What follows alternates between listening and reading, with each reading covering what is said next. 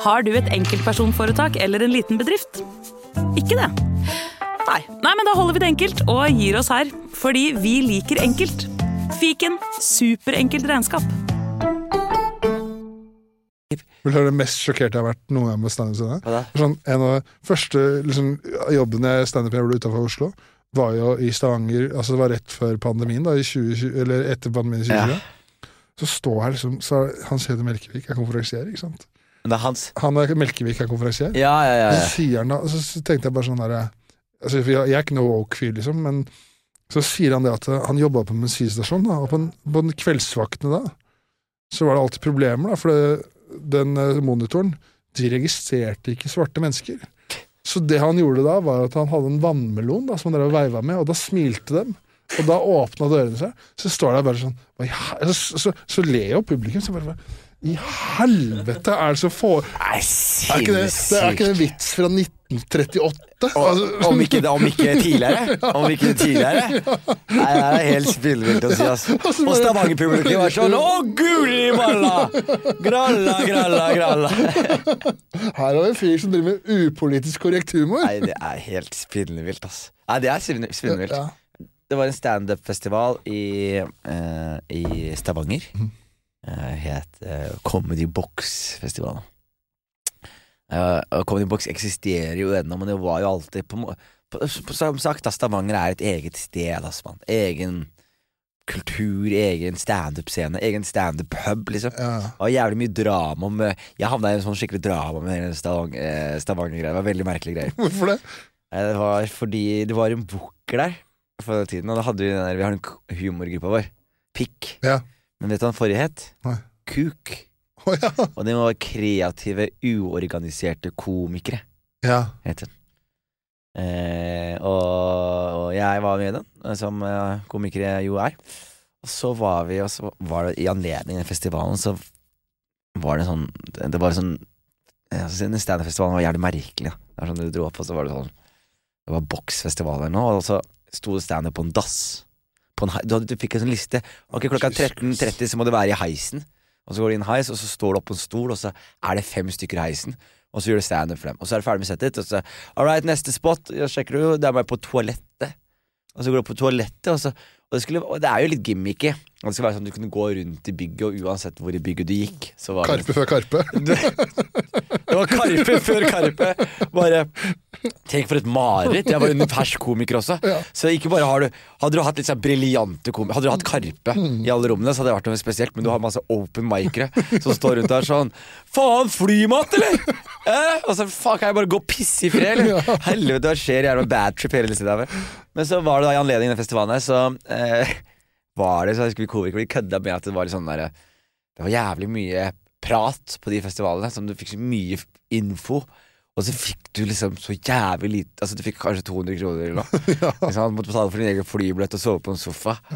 Men likevel så var det faen meg opp og ned med mails, og kan du bekrefte at du har lest? Kan du bekrefte at du har lest? Her er tidene, kan Og så var det en gang jeg bare Jeg tok også bare var sånn der jeg, jeg skrev en mail tilbake, så sa jeg Du, jeg har lest Eh, og uh, jeg, tjener, jeg vet at jeg tjener ca. 300 kroner, og at jeg skal fly opp på egen regning. Det holder. Du trenger ikke å sende meg 40 000 mails, liksom. Og så sendte jeg den, da. Og så syntes jeg det var litt tøff, da. Som Ja. en ung komiker, ikke sant. Så tok jeg screenshot, og så sendte jeg det på jeg det på komikergruppa. Ja. Og da var jo folk sånn eh, Faen, ja. Faen, det er irriterende med mails. så snakker vi om det. Ja. Og så plutselig så får jeg en mail fra den bookeren som er sånn Kult at du henger meg ute på private grupper, da. Oh. Eh, et eller annet i dyren der. Uh. Og så bare Hæ? Og så skrev jeg i gruppa bare Hva faen er det som har Trodde det her var en sånn hemmelig gruppe? Hva faen skjer her, folkens? Hva faen skjer? Og så plutselig er det bare Og da var det Det var en komikk fra Per Grim. Eller Kjære Grim. Du har aldri møtt Grim, eller? Jeg har møtt den en gang. Da møtte han en gang. Ja. Men han bare fyrte på alle sylindere på det. Vi har en forræder iblant oss. Jeg svik. Og folk fikk panikk. Ja. Fordi det var sånn folk har lagt ut de groveste ting i den gruppa. Og da var det sånn Det er ikke dette her et hellig sted lenger. Fuck. Så folk bare slett Og det ble veldig sånn eh, eh, var, var liksom kaos, fordi folk følte det var en sånn trygg gruppe, og så plutselig var det ikke, var det ikke en trygg gruppe i det øyeblikket. Og da ble den lagt ned, den gruppa. Ja, for Altså- det, jeg har hørt det, at det var et eller annet intrige på den gruppa der som gjorde at de måtte starte en ny gruppe, for det var noe info som ikke skulle ut. Og det var basically det, da. Ja. Og da var ikke Stavanger-komikeren invitert i det nye. Det var ikke det, Det ikke i hvert fall litt, det er sikkert det nå, da. ja. det var helt fra starten så var det ikke det. Men det er, det er gøy at du sier det. for Jeg, har liksom, jeg tror jeg har sagt det Jeg snakka om det en gang tidligere i podkasten her òg. At liksom sånn, i starten, når du driver med standup, liksom for å komme til neste nivå, så må du nesten Enten så må du ha sånn en sånn insane indre drive, Mm. Ellers må du være litt dum i huet. For å godta de, mange av de jobbene du må gjøre. Ja. Har, du sånn, har du hatt en sånn jobb eller sånn øyeblikk hvor du var sånn Satan, jeg er jo idiot. Eller det gikk jo kanskje ganske jævlig fort med deg i starten. Ja, ja, men det, det som var liksom greia med meg, som jeg føler kanskje at jeg var litt heldig med, det var at jeg visste ikke hva eh, At standup var en, Nå er det mange som vet mye om humor, og de vet mye om TV-bransjen, og mange som vet at standup er en god måte å begynne på, Ja. eller komme seg inn på og sånne ting. Jeg hadde ikke den i det hele tatt. Jeg, jeg, jeg visste ikke at standup Jeg trodde standup var en sånn subkultur, liksom på lik linje med liksom curling. Ja, ja, Skjønner du? ja.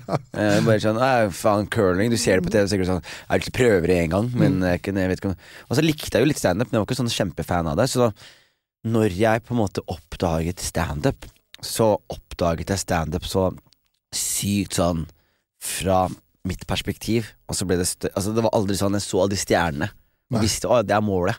Men jeg bare Å, faen, det var gøy å stå på Josefines nykommerkurs. Jeg syntes det var kjempegøy. ja, ja. Og så går jeg tilbake til Jørg. Du, faen! Åssen er det hvis jeg vil stå mer? Kan jeg, kan jeg ikke stå på de nykommerkursene mer? Kan jeg det? Nei, du må finne andre Æ, Er det andre klubber Ja. i byen? Hva mener du? Jeg husker jeg var på Dattera til Hagen da, den sommeren etter jeg hadde debutert. Så møter jeg Joakim Skage, og jeg var veldig opptatt av at han skulle like meg, da, fordi jeg følte at han han var liksom eh, da nøkkelen min, da. For han var det eneste som han, Ja, jeg, hadde, var- jeg, jeg hadde spurt han om å gjøre standup, han fiksa meg kurs og takket meg han som sto. Så jeg var sånn han av alt, dette er den første liksom roten, da. Så spør jeg han bare dude jeg Og så bruker jeg så mye tid på å smiske med Joakim. Så står sånn, henger ved siden av han på en standup-show og ler. Haha, Ser på Joakim mens, mens han ler. Så, og, og så sier jeg til Joakim sånn Du, bare eh, Du snakka om sånne andre klubber og sånn. Hvordan, eh, hvordan kan jeg søke meg inn der, liksom? Og, så, og igjen dumme spørsmål. Opptaksprosess. Ja, men igjen, jeg visste jo ikke noe. Og så peker han på Francisco Briseno. Og så sier han Francisco Briseno, ser Han der, han driver en klubb. Og når folk sier 'drive en klubb', så trodde jeg folk dreiv Josefines vertshus. Ja, ja, ja. Så når jeg hørte at Francisco dreiv en klubb, så tenkte jeg faen Og så hadde han på seg den dagen Så hadde han tilfeldigvis på seg en skjorte.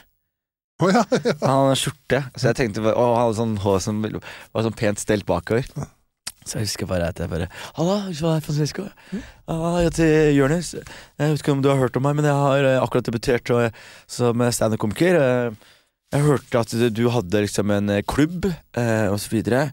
Jeg lurte på hvordan liksom jeg kunne kommet meg inn der. Så ja, vil du stå opp? Ja, ja. Kom på onsdag.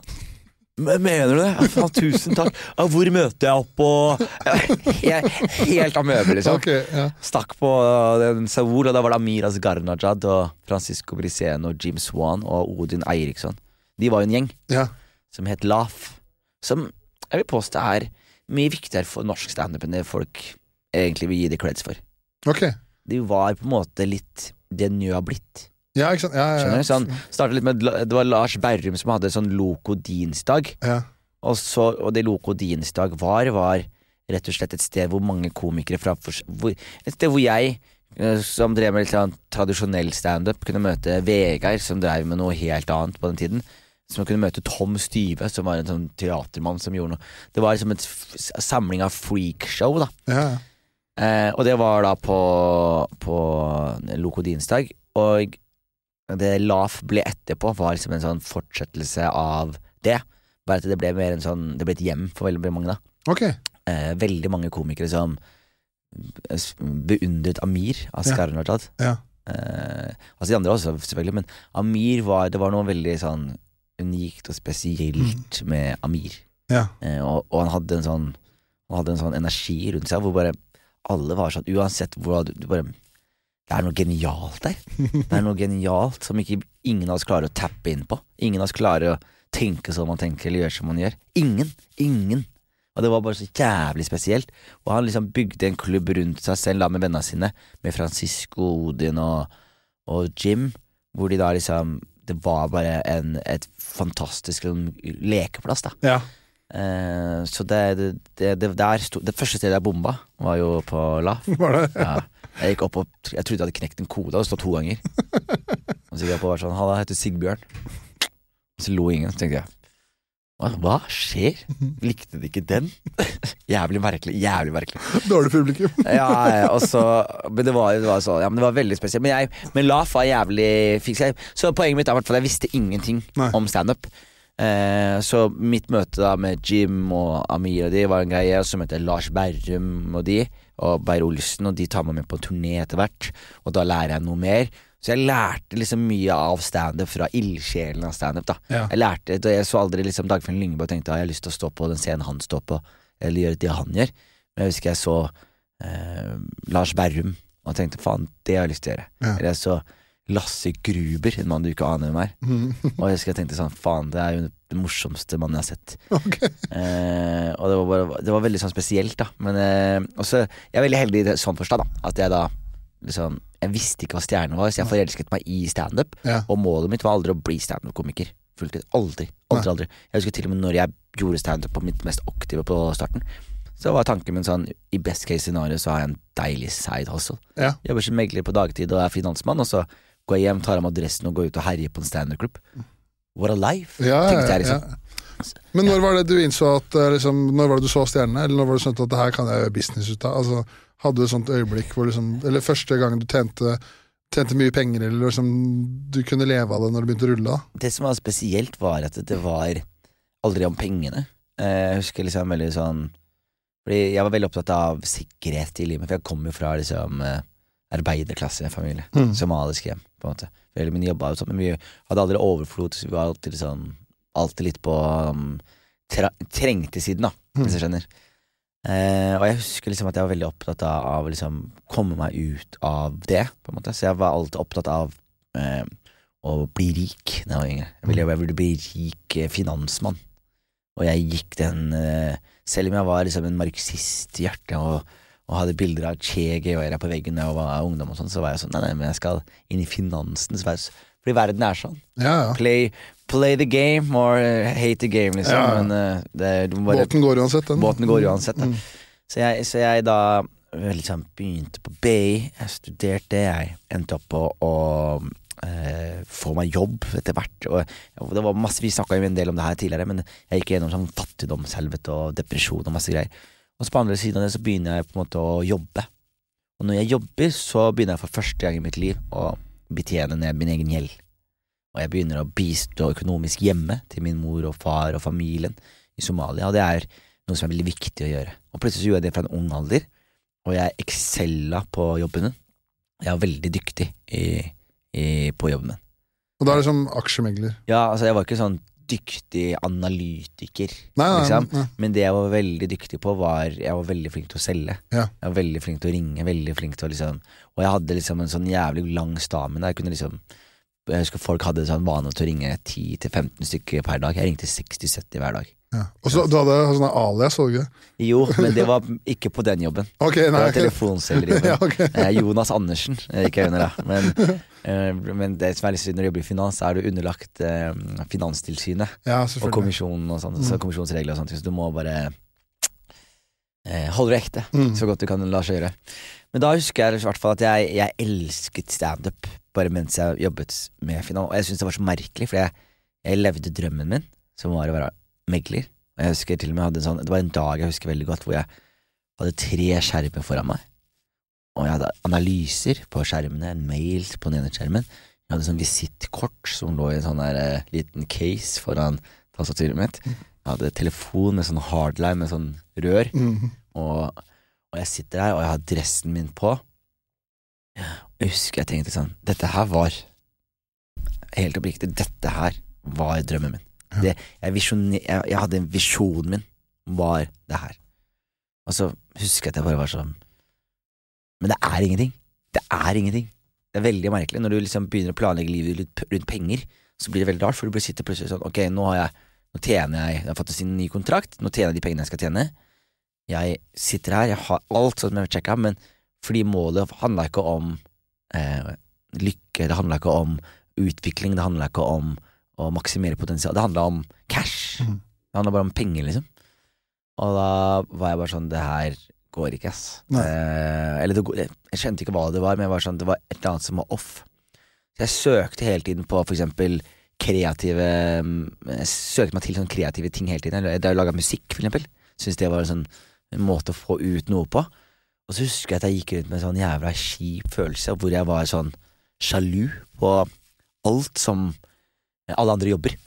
Så hvis folk jobba som tømrer, så husker jeg så på det, faen, du har lagd noe i dag, du. Ja, ja, ja, har skapt noe fra Mm. ingenting. Ser en kokk. Du har sittet og brukt hendene dine og kokulert noe som gir meg verdi. Så på alle sammen, bare folk yter verdi til hverandre. Hva er det jeg gjør? Jeg spekulerer i noens verdi, og så flytter jeg verdiene, og så tar jeg betalt for det. Jeg bare var sånn Det, det er ikke et liv på, på lang sikt, da. Og så var det da opp, gjennom tilfeldighetene at jeg oppdaget eh, standup. Og når jeg oppdaget standup, så plutselig så fikk jeg en sånn følelse av sånn I hvert fall etter de to første gangene, så tenkte jeg sånn Dette her kan jeg gjøre resten av livet mitt. Ja. Her, nå yter jeg verdi. Mm. Nå har folk sittet seg ned, har betalt penger, og jeg har gått opp og jeg har fortalt dem noe, og de har ledd. De har kosa, og de har klappa. Og jeg har gått derfra, og de faen meg gjorde dagen deres bitte litt bedre, og de gjorde dagen min mye bedre. Mm. Ok, fett. Da kan jeg være aksjemann resten av livet mitt, så lenge jeg har det her. ja, ok. Og så blir det mer og mer standup. Så husker jeg til slutt på, så satt jeg liksom på en av de tre skjermene var alltid et notat med settet mitt. Ja. Så jeg hadde bare settet mitt alltid oppe. Mm. Eller, husker jeg bare, bare leste gjennom Det var en helt perfekt måte å jobbe på. Jeg bare satt gjennom dagen og leste gjennom settet mitt mange ganger. Plutselig ah, det partiet der lugger litt. Så satt litt på det partiet der. Og så bare ah, og så satt jeg gjennom helt. Og når sjefen min kom, så pop, opp med liksom analyse. Liksom, så det var veldig sånn merkelig. Og så var Lars og Beyer skikkelig kule med meg og sa liksom sånn Jeg fikk en telefon fra Stian Pettersen i Du har fått gode telefoner fra han, du, har du ikke? ja, jeg har fått noen gode telefoner fra Det er alltid hyggelig å få Ja. telefon fra Stian Pettersen når du er fersk komiker. ass. Ja. Og han har en sånn varm måte å gjøre ting Han er veldig varm og god. Ja, og, han, og han ringer og er sånn Jonis, ja, du, eh, Lars Berrum og Martin Beyer-Olsen skal på en turné, og de vil ha med deg. Hva tenker du om det? Jeg bare Jeg, jeg husker nøyaktig hvor jeg sto. Jeg er liksom Valdemar Tranes gate på Sankthanshaugen, på andre siden av Espresso House. På vei, på, ved en sykkel der det er sykkelbar nå. Ja. Jeg sto rett foran den, og jeg har på meg dressen. Og jeg bare står på gata og bare Yes! Jeg står og jubler. Jeg blir så glad, fordi det var liksom favorittkomikerne mine. Og jeg får lov til å være med på tur med dem. Og da sa jeg til sjefen, og da skjønte sjefen min at jeg hadde en fot i en annen leir. da Så jo mer jeg liksom uh, uh, Han begynte etter hvert å liksom Han merka at jeg måtte tok meg mer og mer fri, og så skulle jeg på turné, og så fikk jeg et ultimatum. Sånn er, du, er du komiker, eller er du aksjemann? Eller finansaksjemegler? Og da slutta jeg, og sa at jeg, jeg, vil, da vil jeg heller prøve standup. Og da husker jeg da tjente jeg Jeg hadde signert en ny kontrakt hvor jeg skulle tjene ca. en mill. i året, liksom. 22 år. 23 år. Og eh, premissene mine, prognosene mine for eh, året etterpå som standup-komiker var på 150 000 kroner. Men jeg bare var sånn lett. Ja. Jeg bare, jeg har vært fattig. Jeg har vært broke. Jeg har fått avslag fra Mækkern. Men hvis jeg kan ha den følelsen av å gjøre standup i livet mitt eh, og tjene mindre Jeg vil heller tjene 200 000 i året og gjøre standup enn å tjene to milliarder i og ikke gjøre standup.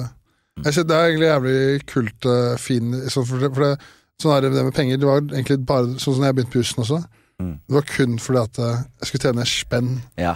For det skulle sånn at eh, Sånn som når eh, Altså, det var, altså, det var ikke eh, Altså, det var sikkert, Dere hadde sikkert uh, trangere, det ikke at jeg vet da, men det var sånn, det var sånn småting som sitter igjen fra barndommen min. Mm. Så det var sånn det var uh, Vi hadde sånn fikk maur nede i kjelleren, på badet.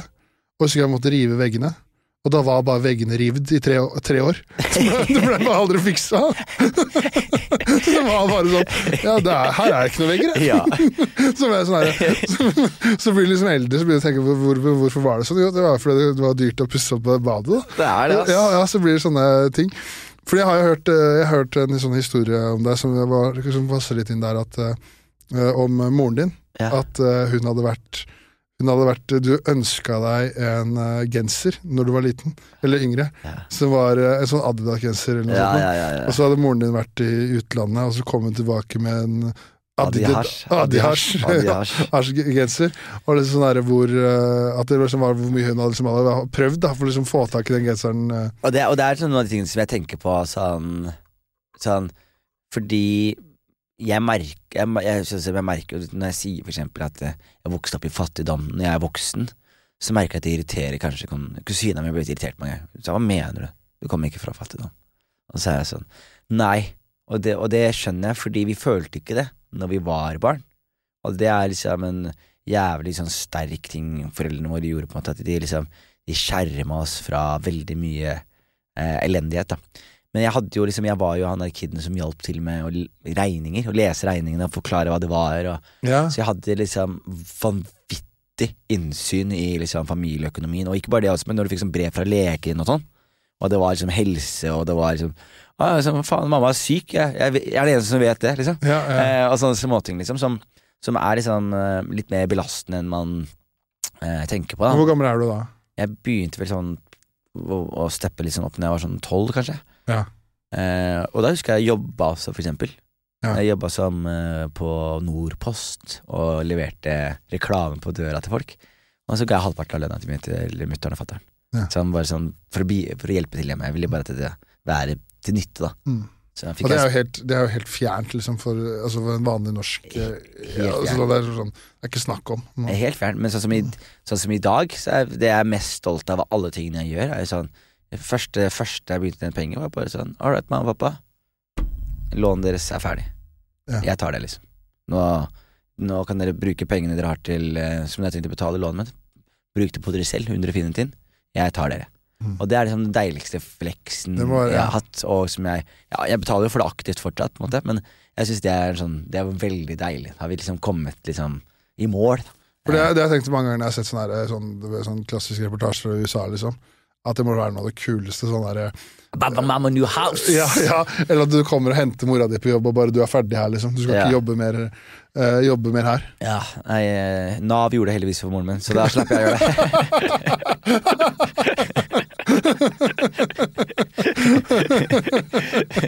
Ja, det er en måte å gjøre det på. det. Men det er, men det er jo Men det er liksom sånn derre Det dreivet fra Jeg husker liksom Jeg husker når jeg var sånn Ok, jeg leverer post når man er sånn 12-13, og så husker jeg liksom sånn eh, jeg har sånn episode med moren min som det gjør meg veldig rørt, og det er veldig merkelig at det gjør meg så rørt, for det er så jævlig materialistisk. Mm. Og Jeg husker liksom at jeg var 12-13, og så er jeg veldig gira på å få meg en eh, Nokia 3310.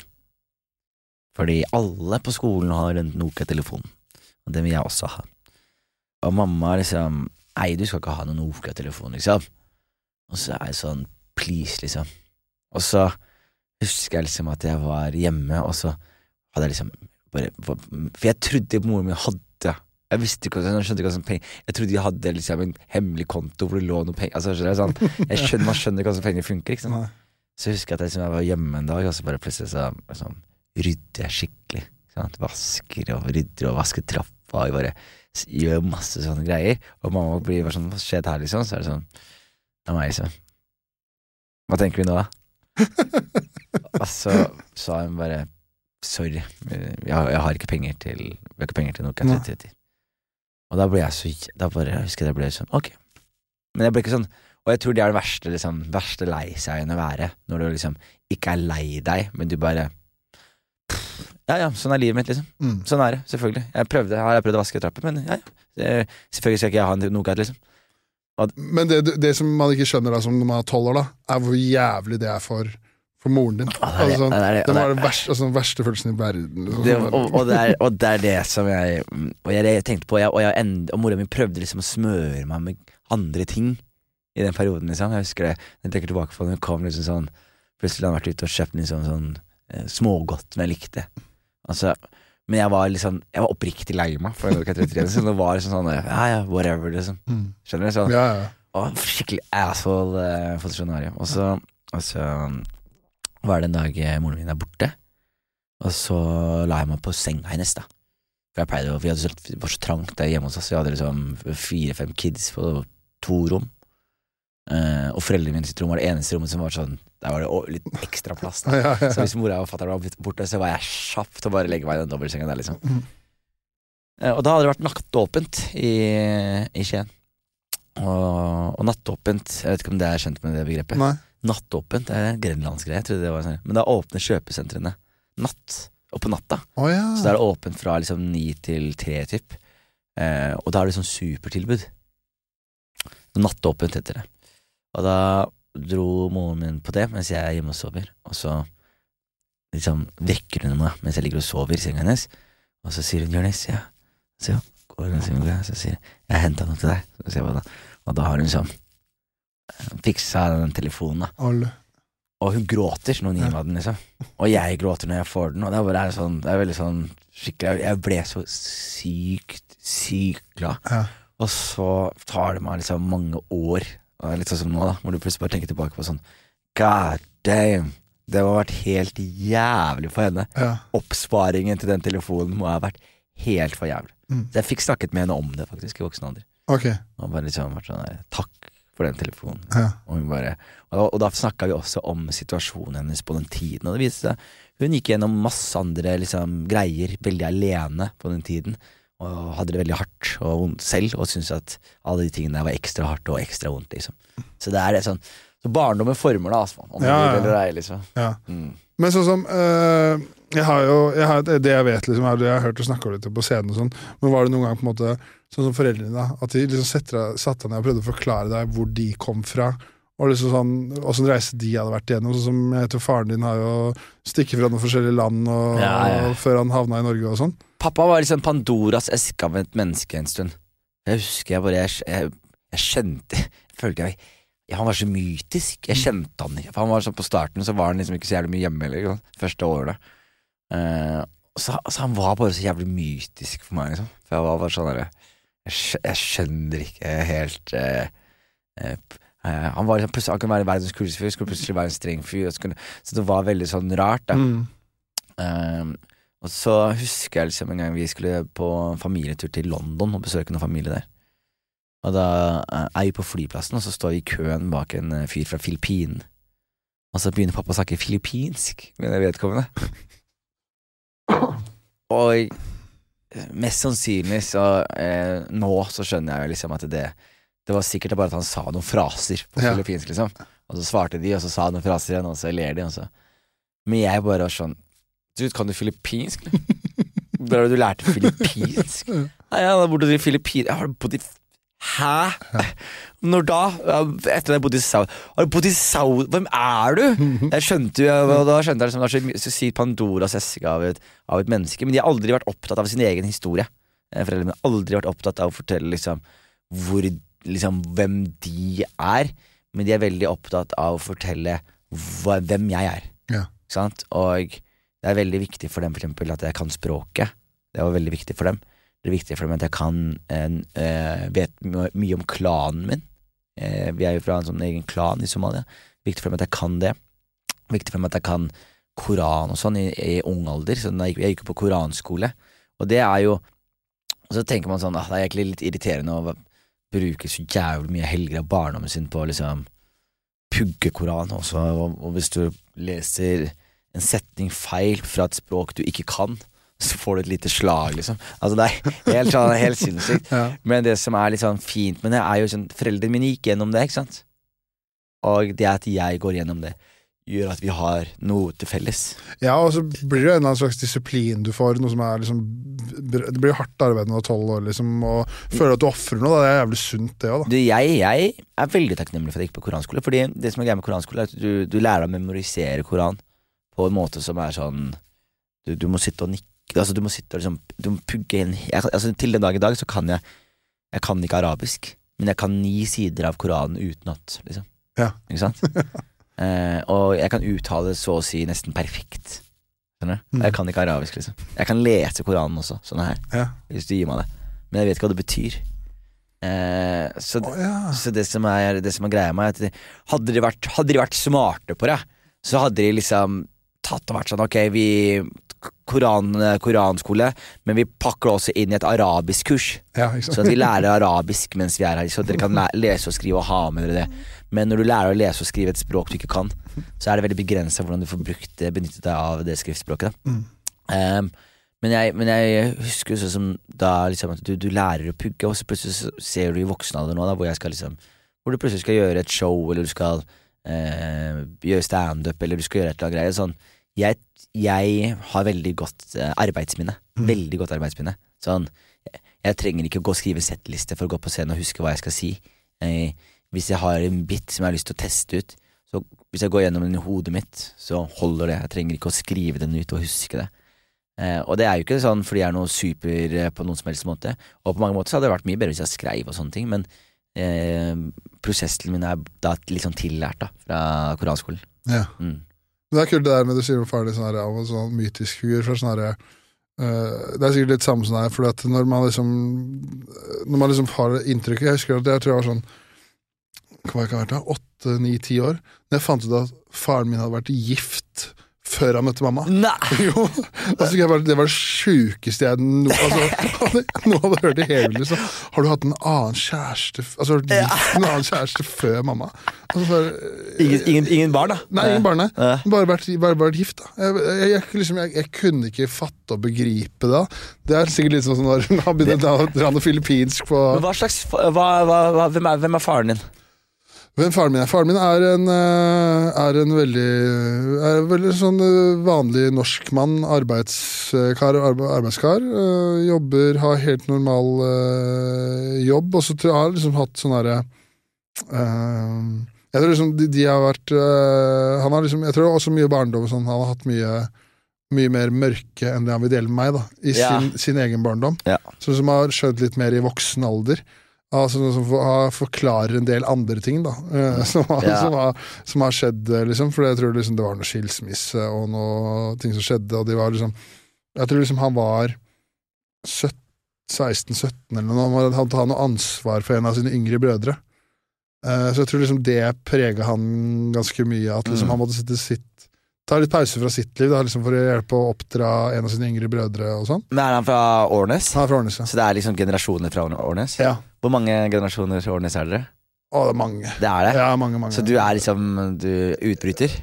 Ja, jeg er fra Årnes, ja. Ja. ja, ja, ja. Det, jeg, Var det litt forventa at du skulle være i Årnes?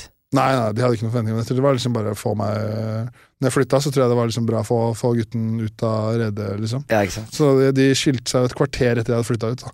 Foreldre- De gjorde det, ja. det ja, men da, da var det deg de venta på. Da var, Å, det var meg. Dere, de gjorde det for meg, eller? Gjorde det for meg. Er du enebarn? Nei, jeg har søster. Eldre? Så, uh, yngre. Så hun hadde liksom så Fikk der. Så hun ringte meg og var litt frustrert. At de hadde liksom De klarte bare å vente til jeg Det er gøy. Men er det sånn da, hvis du er generasjonen fra Årnes, er det sånn at det er veldig mange abr... er- Har du mye familie og søskenbarn og sånn rundt der du bor?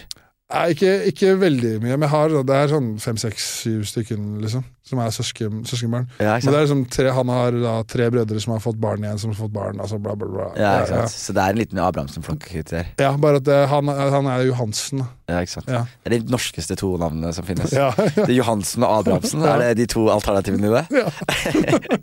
kunne, kunne ikke fått det bedre. Nei. Så nei, jeg hadde ikke noe alter, hadde ikke noe alter ego når jeg søkte jobb. Nei, men det er, men det er, det er den derre ting som jeg syns er litt sånn fascinerende. Og det er, og det er det som er så patetisk. For vi er sånn, Hvor gammel er du? 32? Jeg er 30, 30. Du er 30 Og du er yngre enn meg, eller? Ja. Jeg glemmer det. Faen. Føler du er eldre enn meg? Du har så eldre selv.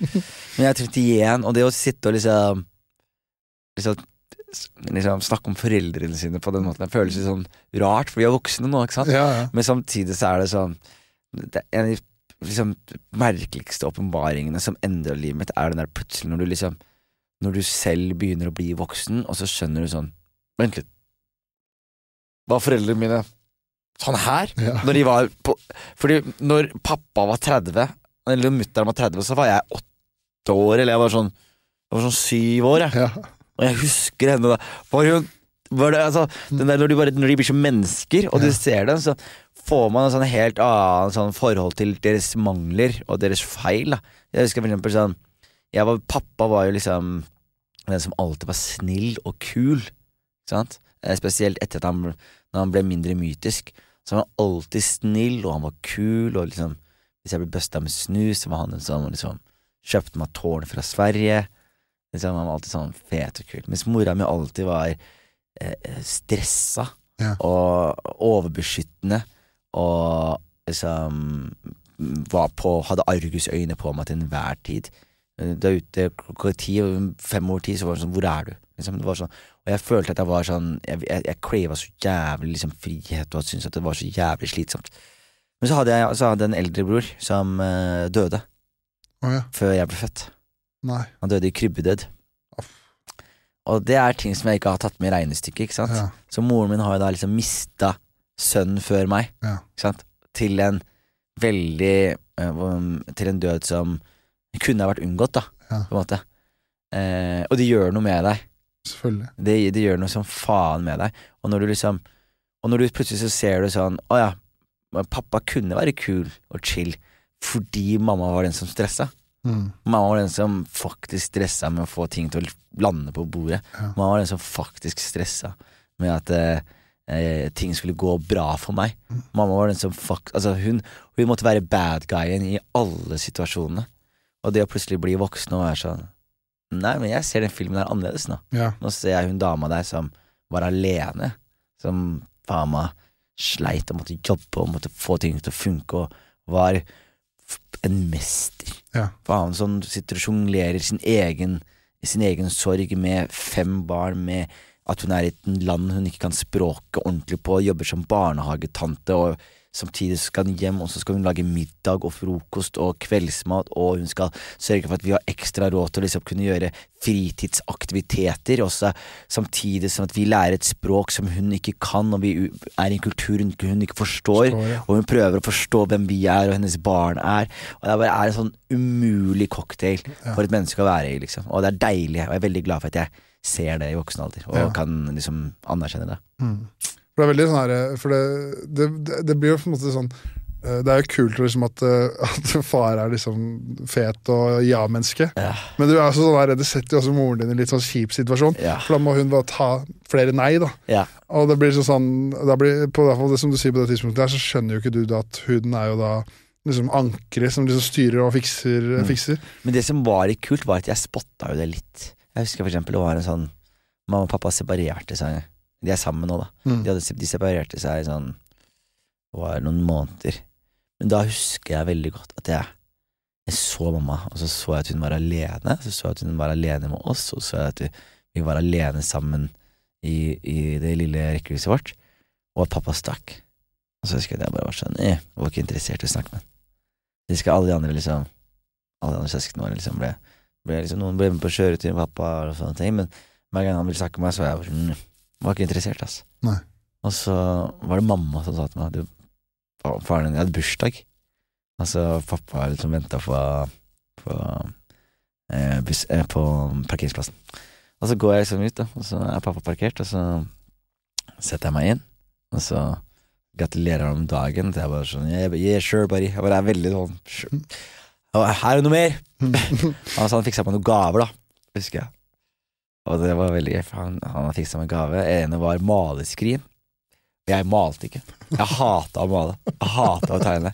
Jeg ble, så, jeg ble, ble sånn maleskrin Og du merka at han bare gått innom et eller annet sted og bare Har dere noe har du noe sånn, Kjenner du meg Jeg er fotballspiller, jeg. Ja. Du glemmer det. Jeg er ikke noe fuckings homo, jeg. Men jeg, men Nei, men det, det var jo liksom Det var jo liksom I hvert fall på Ålstad så var det jo sånn der Jeg husker jeg tror egentlig jeg hadde lyst til å være med på sånn litt mer kunstneriske ting, men han kunne jo ikke det. Nei, nei, nei. Jeg var ikke interessert i det hele tatt. Og så hadde han en annen ting i posen, da. Hans liksom eh, store gave, da. Og den gaven, det var eh, Det var det jeg hadde ønsket meg. Da han fiksa meg SIM-kort. Og da var jeg sånn SIM-kort til telefon? Ja, det er det jeg ønsker meg. Du vet jeg ikke har en telefon, ikke sant? Jesus Christ. Snakkes. og så gikk jeg ut av bilen og var sånn Jeg bare Kom hjem hvis du kommer hjem, hvis ikke vi snakkes, liksom. Det bare, går bra, liksom. Og så flytta hjem etter hvert, da. og skal ha det at han er tidenes beste far. Altså. Ja, for det, ser jo ut som dere har godt forhold Ja, vi har kjempe Han kunne ikke vært en bedre far. Men, men, det er også, men jeg følte det der var også en, jævlig viktig ting, Fordi i hvert fall i retrospekt, at jeg ser også sånn For jeg husker faren min røyka. Han, eh, han tygga katt, for eksempel. Og han brukte mye tid på å henge med, med vennene hans, husker jeg. Fordi det var et som- somalisk miljø med folk. Og det brukte veldig tid. Og da var det sånn, da hang de, og så hang de seint, og så kom pappa hjem, og så sov han. liksom, mye. Ja. Så sov liksom eh, store deler av liksom dagen på Så det, der, derav da den mytiske figuren, da. Ja, ja. Fordi jeg husker liksom Du kommer hjem fem-seks år, mora lager middag, pappa er oppe og sover. Du går inn, du hører Og så er det bare sånn, ja, ja, men det jeg ikke visste, han fyren har vært ute hele natta. Ikke sant? og tar igjen søvn nå. Og så jobba han også på sånn jernverk, så han var liksom aldri hjemme. Eh, men det du sa men så, så han, røyk- han drakk kaffe, røyka sigg, jobba hele tiden. Og var med folka hans hele tiden. Og så merka han vel liksom både med meg da og de andre barna liksom Det holder ikke å bare ha tittelen far, da. Mm. Du må faktisk utøve den tittelen for å liksom være en god far, da. Og jeg tror også han merka liksom sånn Ja, du er kul, du får high fives, men mamma får noe du ikke får. Ja. Mamma får ekte, liksom Ekte, ekte kjærlighet, da. Mm. Ekte, hun, hun har den ekte, skjønner du? Sånn, Ja, ja, det, å være, det å være en kul onkel er fett, det, liksom. Men eh, kidsa dine liksom med pistol til hodet, så går ikke til den kule onkelen. De går til den omsorgsfulle faren eller omsorgsfulle mor. Da. Og, og, og det tror jeg virkelig pappa følte på. Så jeg, så jeg husker han kom hjem, og da var det en sånn omveltning som person. Da. Så kom han hjem, og så hadde han kjøpt seg en sykkel. Fordi vi hadde sykkel. Så han ville ha med guttungene sine på sykkeltur. Så det, var, han gikk oss jævlig hardt i hvalet. Han kom hjem, første vi gjorde, var bare sykkel. Bare, du, du veit jo ikke hvordan, hvordan vi beveger oss rundt på Gulset engang. Men ok, sure. Så vi sykla. Jeg og brødrene mine og faren min sykla liksom en lang runde rundt Gulset. Og så kom vi hjem, og så, hadde han, så kutta han liksom opp vannmelon og sitron og laga en, en fruktsalat, for det var viktig med frukt etter trening. da Jeg husker det så jævlig godt. liksom Og så husker jeg bare Og vi husker bare Vi brødrene ser på det, hva skjer nå? liksom og så gikk det liksom mer. Man bare begynte å gjøre liksom mer, og han begynte liksom plutselig bare 'Har du fotballkamp?' 'Ja, jeg, jeg kjører, da'. Og så plutselig bare faen, faen, Jeg har aldri sett meg spille fotball før. Faen, må jeg levere nå? Hva skjer, liksom? Og så eh, var det ble jeg busta i å røyke en sigg. Eh, og så tror jeg og meg og broderen, eh, JT, hadde liksom eh, Vi var i England, og da var det katt var lovlig i England. Og da var pappa og tygga katt med sånne kompisene. Og da bare mens, mens, stakk han, og da satt meg og JT igjen i kåken. Så da satt vi, husker jeg, og vi sitter liksom på den madrassen på sofaen. Sånn som liksom fatter'n de pleide å sitte. ikke sant? Ja, ja. Så vi bare, bare herma etter. ikke sant? Så vi satt liksom med en sånn liten kattpinne og holdt den i hånda liksom og bytta den i kjeven og satt sånn, da. Og så trodde vi det skulle være jævlig lættis, da. Og pappa kom hjem bare sånn Fy faen, se, nå har gutta gått i rollen som oss, da. Men det var et eller annet sånn eh, Det traff han så Han kom hjem, og så så jeg at det bare han Først han gikk fra å være dritsur til å bli drittrist til å bli sånn sjokket. Bare, nei, og bare Og, var, og jeg, jeg tror også han skjønte liksom sånn Kidsa ser på deg, liksom. Ja. De gjør det du gjør, da. Mm. sant? Og så hadde jeg blitt beste å røyke en sigg også. Jeg hadde tatt trekk av en sigaret. Han røyka sigaretter også. Mm. Eh, så, men det han gjorde som var så sjukt fett, da, var at han plutselig bare Det var sånn, Jeg hadde min greie med han, brødrene mine hadde sine greier med han. Men han bare plutselig bare gikk inn i et rom og bare Skulle slutte å røyke, da. Var ferdig. så, så han bare satt og bare skulle kutte ut alle avhengige. Han gikk inn i det rommet og bare var der i liksom så, Jeg tror han var der en uke. Liksom, var i rommet, gikk ut, var på dass, dusja, spiste litt mat, gikk inn på rommet. Han kjørte cold turkey. Isolat for seg selv. Og jeg visste ikke hva som skjedde. Nei. Jeg bare var sånn, hva skjer? Jeg, pappa slutter med sigg og sånn. Ja. Jeg, jeg skjønte ikke hva greia Man bare var der liksom en uke. Liksom, Mm. og, liksom, og så kom han ut. Har ikke rørt sigg siden. Nei. Har ikke rørt noe siden. Ikke en ene Og det her er 20 år siden, altså. Men det er, det er jo det er veldig komisk det der med sykkel og sigg og sånn. Det er i hvert fall sånn der Det kommer fra et veldig sånn kjærlig sted. Da. sånn ønsker, men det er bare sånn 1,80, liksom. Så, nå er det endring, liksom. Det er veldig gøy. Jeg har ikke tenkt på den situasjonen for lenge, men jeg husker det var en sånn what the fuck-øyeblikk. Og det øyeblikket når vi også sykler ut på Gulset, og du ser alle de andre gutta som har lasaronfedre. Faen, se så hyggelig de er, da! Sykler med sin, hva skjer her, da? Og vi er sånn Du, det er aldri skjedd før! Fasade. Jeg tror det er noe nytt vi prøver her da, liksom. Det, det, det du sier, det er helt sjukt. Sånn som min eh, eldste er tre år. Mm. Og hun er sånn derre liksom, La meg til liksom, fra, fra hun var to allerede. Så hun skulle være sånn mini- mini-meg. Ja. sånn, sånn hvis vi er ute og går, da, for Ja. eksempel. Så måtte jeg liksom passe For det, det var en periode liksom, bare, Jeg tok med henne ut for å sykle. Ja. Og så går vi to siden av hverandre tur, og så spytter jeg. Og da skal hun begynne å spytte. Ja, og det ja, ja, ja, ser hun helt jævlig ut når en toåring sånn prøver, liksom. Og så spytter, liksom. Og skal herme etter alt du gjør, liksom. Og det var sånn hjemme, hjemme her så hadde vi jævlig Det var sånn stress på morgenen. Og så er det yngste man går og river ned masse ting, så sier jeg å, fy faen. Og så hører du bare eldstemann bare å, fy faen. Liksom sånn, Plukker opp det med en gang, da, og sier og sånn der, Og det er ekkelt når barn banner, ass. Ja, ja. Tre år og bare å, fy faen. Ja. Nei, men, det er, men, de, men de gjør det, altså. Men jeg har lært, men jeg har lært det så jævlig og, og, jeg, er så jævlig glad Det sånn, det er noen ganger jeg, jeg, husker jeg, vært, jeg var psykolog og sånn, og så snakka vi om barndom og sånne ting. Men jeg er så jævlig glad for at liksom foreldrene mine var de folka de var, og det, de gikk gjennom det de gikk gjennom i den tiden de gikk gjennom det. da. Sånn som du merker sånn som minstebroren min, da. Han er jo Livet er fryd og gammen for han, liksom. Han, er 18-19. Han er 18 nå, Ja, han var akkurat 18, men han liksom bo, han vokste opp i hus, han. Ja. Eh, Han har hatt eget rom fra han var fire år gammel, eller fra han var tre år gammel. Mm. Eh, Han har hatt foreldre som har landa, litt sånn, som veit hvem de er i Norge. Som Og, lager fruktsalat. som lager fruktsalat og ikke røyker og liksom forskjellig. Eh, men også det at de bare liksom, de skjønner Fordi da var det så dragninger mellom kultur, ikke sant? Og, det er, og det er ofte da kidsa som er som sitter og er det tauet, ikke sant. Norge er ute, og så har du Somalia hjemme, og så blir du dratt med. Og det er jævlig vanskelig. Og Men kan du bare liksom forklare hvorfor det er vanskelig, så liksom folk skjønner? Altså, jeg, jeg tror jeg skjønner liksom, Er det annerledes kultur, eller liksom, hva er det som gjør at det liksom blir den der dragningen? Det er at du blir vokst opp til noe som ikke fungerer i praksis. Ja, ikke sant? Skjønner du? Ja, ja. Fordi du, du har en oppdragelse hjemme, men så kan du Den oppdragelsen hjemme gjelder jo ikke Nei. eh, i alle situasjoner ute. Fordi du er i en annen kultur, ikke sant. Eh, så det at du liksom eh, Eksempel av damer, da, for eksempel. Sant? Da får du fortalt liksom sånn Dette er sånn Dette er sånn våre customs er, ikke sant. Vi, vi vil eh, Du finner en somalisk dame, gjerne, og en somalisk dame og deg, dere går sammen og eh, Dere går sammen og eh, du snakker med meg, og så til pappa, og pappa snakker med faren hennes, og så får de en arrangement, og så gifter vi oss, og så eh, må det skje og sånn og sånn, og, så du har sånn forskjellige regler på det.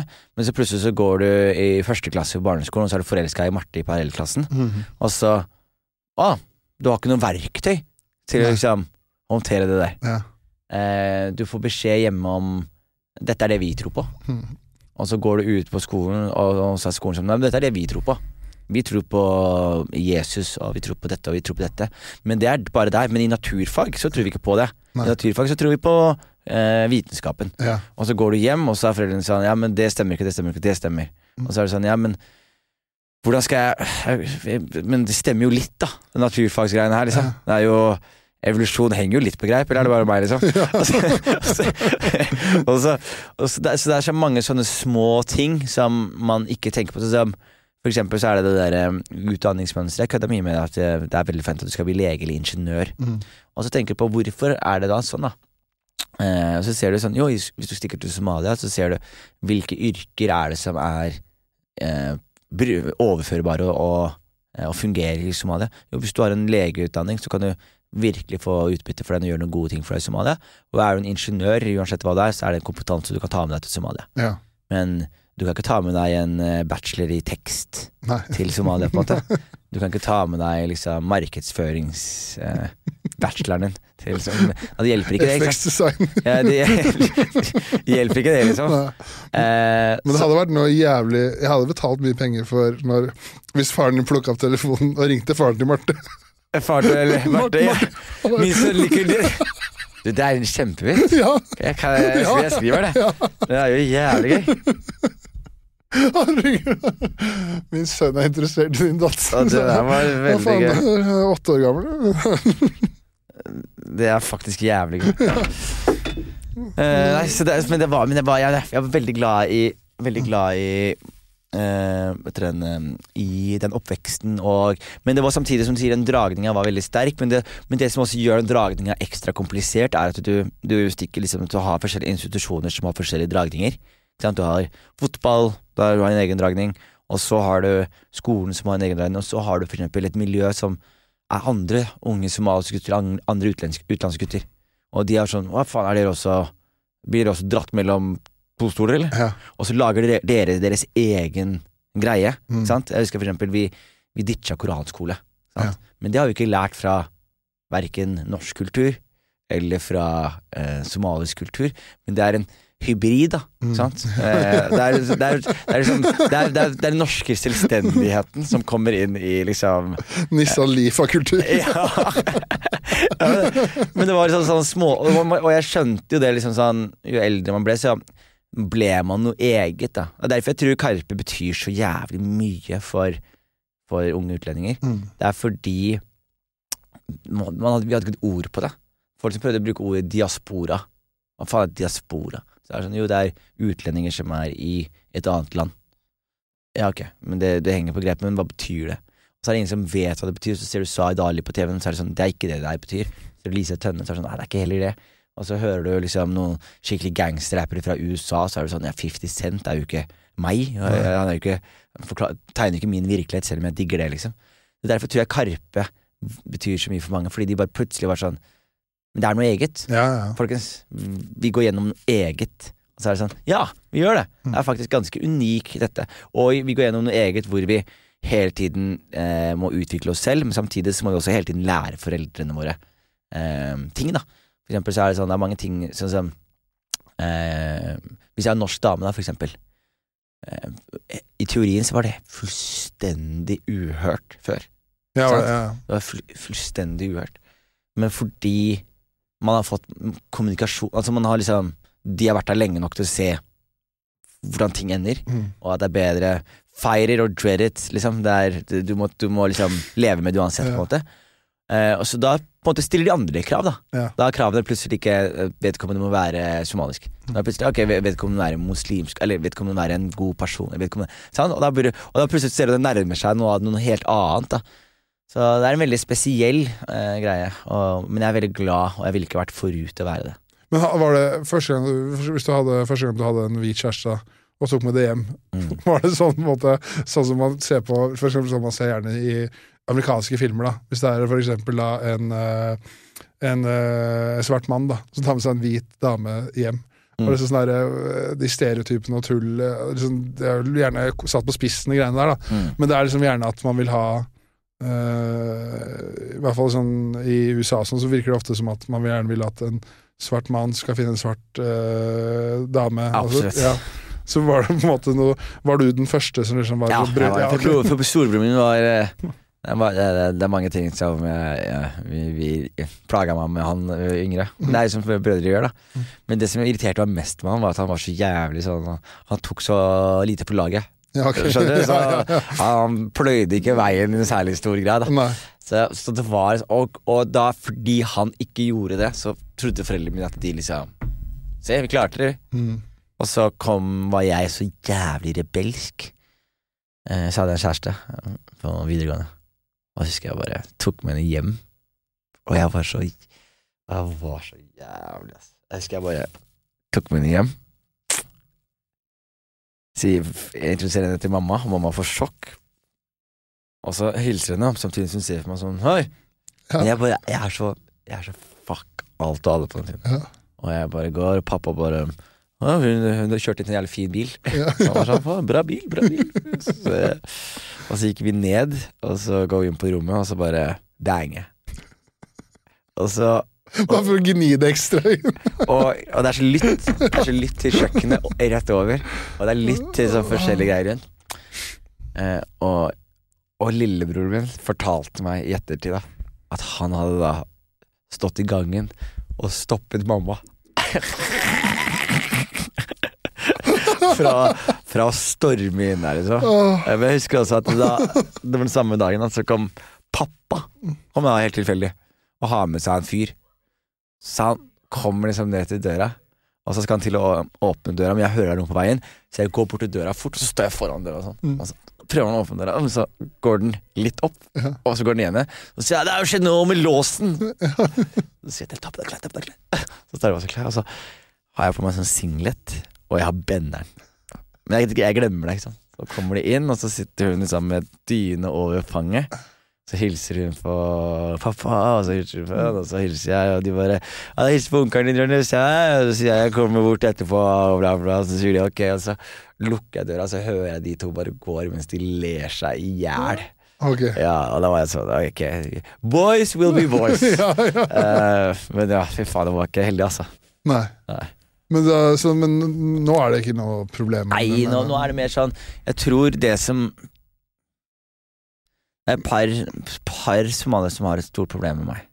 Ja. Fordi jeg er Jeg er veldig Jeg bruker ordet fri. Skjønner du? Sånn, ja, ja. Jeg gjør litt hva jeg vil, for jeg føler litt at jeg har litt sånn Jeg føler at jeg har et bra moralsk kompass. Så jeg, jeg føler meg veldig fri, og jeg argumenterer for at alle burde være fri. For jeg føler liksom hvis du ikke er fri, så spiller du opp til en løgn som du ikke klarer å levere. Ikke sant? Eller kanskje du kan levere, men da lever du en løgn, da. At du ikke er interessert i noen av delene. Eh, så jeg var veldig sånn Veldig opptatt av at foreldrene mine skulle liksom bli, Jeg husker det var en gang jeg ville mora mi skulle bli kjent med meg da jeg var voksen. Jeg bare ringte hjem og sånn Hvordan går det? Så sa hun alhamdulillah, alhamdulillah. Som alltid sier bare sånn Det går bra, takk Gud, det går bra, hvordan går det med deg? Så jeg bare Hvordan går det? Hvordan går det, liksom? Sier det samme hele tiden, men hvordan går det? Eh, Er du venn med noen om dagen? Er du sur på noen om dagen? Skjer det noe? Er det, har du det bra? Har du det dårlig? Hva er bra? Så endte vi opp med å chatte i 20 minutter, og hadde liksom en av de mest innholds beste samtalene vi har hatt i hele vårt liv. Mm. Eh, og i kjølvannet av det så har jeg bare skjønt sånn Jeg skjønte en veldig sånn enkel Jeg hadde en veldig enkel filosofi. Livet mitt er kort. Foreldrene mine har gjort en eh, kjempejobb. Jeg lever, jeg er 18 år. Nå må jeg leve mitt liv. Og jeg skal leve livet mitt akkurat sånn som jeg har lyst til å leve livet mitt. Og jeg håper foreldrene mine digger det. Det var det, Mm. det var tanken min. Ja. Og så jeg husker jeg for eksempel sånn Når jeg drev med finans, så var de så stolte av meg. Og så slutta jeg i finans for å gjøre standup, og de bare Skal du gå til barer og fortelle vitser? Så jeg sånn, ja, det skal jeg, liksom. Men da merka jeg at da var de på et sånt sted i livet hvor de var sånn Jonis får til det han vil. ja. Det, land, det ordner seg for Jonis. Ja. Bare de, Og de støtta meg jo. De ga meg liksom De lånte meg penger når jeg trengte det i dårlige perioder og sånne ting. Fordi de bare De skjønte, og de sa det sånn i ettertid også, nå som jeg etter at jeg dekka lånet deres og sånne ting, så var de sånn Vi visste. Ja. Vi visste. Ja. De, bare, de sa at vi visste at du skulle, du skulle liksom ordne det. Og det er et eller annet veldig gøy med det, da. Men hvordan reagerer de når du, når du liksom eh, forteller til de slutt med finans, og så sier du at i deres øyne du skal fortelle vitser på barer. Hvordan reagerer de da når du kommer, kommer hjem og sier sånn dere er, eller, dere er home free, eller jeg fikser? Altså, hvordan, hvordan, eh, hvordan tar de det? Det var Det var eh, Jeg hadde et øyeblikk som på en måte var overgangen, da. Fordi jeg var veldig sånn heldig sånn Når jeg gjorde standup, så jeg var ikke en sånn struggling comedian veldig lenge. Sånn, jeg gjorde masse drittjobber og holdt på, men når jeg først satsa, så hadde jeg liksom et Latter Live-klipp som gikk bra. Og jeg hadde liksom litt hype, da. Eh, så jeg kunne liksom, jeg fikk litt reist rundt og gjort litt jobber og var nominert til gjennombruddspriser. Liksom forskjellig Så det var sånne småting som skjedde. Så faren min husker jeg var liksom Han var veldig on board. Og han har jo alltid vært kul, som du har skjønt. da Mm. Så jeg husker til og med sånn første gang jeg var nominert til Stålprisen. Så kjørte pappa ned til eh, Oslo og var med meg for å dele det. Og sitte på Stålpris for meg og henge på Josefine så jeg blir kjent med komikerne og sånn. Ja. Så det syns jeg var skikkelig skikkelig gøy. Jonny husker pappa da, og pappaen min og faren til Henrik Farli ble venner, og det var god stemning. Ja. Men moren min var alltid litt mer liksom eh, redd, tror jeg, for det jeg drev med. Og så var det en gang jeg skulle gjøre en gig i Skien, og når jeg gjør den gigen i Skien, så eh, sier, eh, sier eh, Kommer moren min backstage utholdt, jeg er konferansier, det er eh, Zaid Ali, Anne-Kat. Hærland og Adam, Adam Sjølberg. Eh, og vi er da backstage, og så kommer da mamma. Så sier hun Jonis, sier jeg, så sier hun vær så snill, jeg er veldig nervøs. Så sier jeg ja, så sier hun, vær så snill, ikke tulle med familie eller religion, mamma. Så sier jeg ok, sier jeg. Så går hun, og så blir jeg litt sånn derre Faen, skal jeg ikke kødde med familie eller religion? Faen, skal jeg Jeg har jo andre ting, men jeg, jeg, jeg, jeg vil at mamma skal se hva jeg gjør. Mm. Skjønner du? Ikke at mamma skal se hva jeg gjør når hun er der. Ja. Jeg vil at hun skal se hva jeg gjør når jeg er varm, da. Og da gjør jeg hva jeg vil, da. Så jeg satt også endte opp med en sånn valg da, og det, og det er et valg jeg tok da, som gjaldt alt jeg gjorde resten av livet mitt, og det er at jeg skal ikke bruke dette showet her på å få mamma til å føle seg bra. Jeg skal få dette showet til å få publikum til å le, og når alle ler, så vil mamma skjønne at det er morsomt, og da vil hun føle seg bra. Ja. Skjønner du? Ikke skreddersy. Ikke liksom tilpasset settet på henne, men gjøre, gjøre mitt beste, og så satse på at, liksom, at hun skjønner. Vet Du skjønner? Jeg gikk opp på scenen, og så er det fullsatt sal, og det er skikkelig stor god stemning i publikum. Så da sier jeg, mine damer og herrer, jeg er hjemme i Skien, sier jeg. Alle bare hei. Det er noe veldig vakkert i dag. Moren min, sier jeg. Første gang hun ser meg i dag. Hun sitter der. Og alle bare hei. Og hun kom backstage, vet du. Sa til meg Kan du være så snill å ikke tulle med familie og religion? Jeg var sånn, selvfølgelig skal jeg ikke tulle med familie og religion. Din sønn skal snakke om hvordan han knuller norske damer og sprer klamme, han, sier jeg.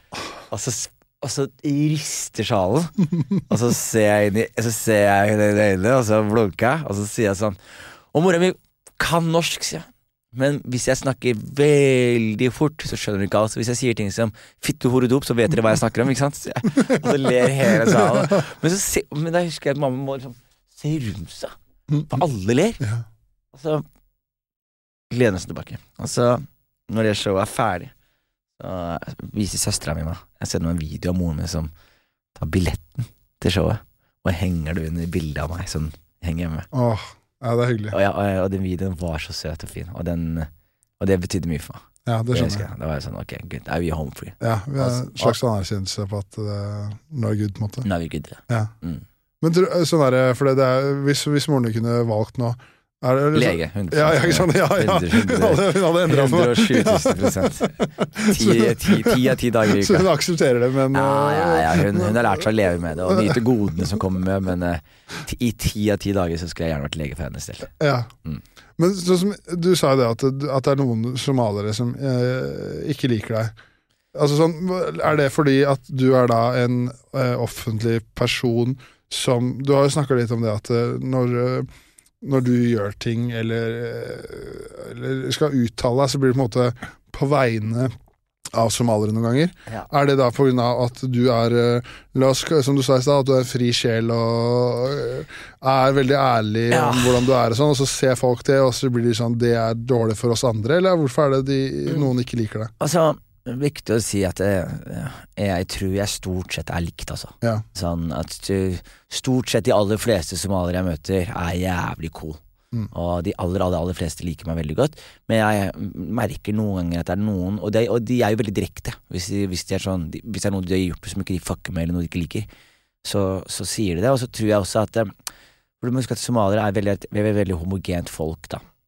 Vi er veldig sterk kultur og veldig sterk skikk og veldig sterk liksom, forventninger til væremåte, både hos kvinner og hos menn. Sant? Eh, og så er det sånn at eh, jeg oppfyller ikke disse liksom, idealkravene, og jeg prøver ikke å holde en fasade oppe, sant? For eksempel så er det sånn eh, en norsk dame hvis jeg vil, ikke sant? eller jeg kan ta meg en fest hvis jeg vil, eller Og somalisk kultur handler om eb, veldig mye, og eb er skam. At du skal skjule skam, det skammelige. Så for eksempel, hvis jeg fester, så skal jeg ikke si til folk at jeg fester. Hvis jeg gjør noe som ikke er rett, så skal jeg ikke folk vite om det. Fordi det er eb, og det er eb som treffer meg. Da. Og jeg driter i det, på en måte. Og, når, og når du driter i det, så eh, Og noen andre bryr seg veldig om det, så vil du møte liksom sånn derre du, Men alle skjønner jo også sånn Jeg er jo ikke slem, liksom. Og der jeg tror folk får seg litt hakeslepp, at jeg tror folk tror at jeg er veldig sånn At jeg er veldig norsk, da.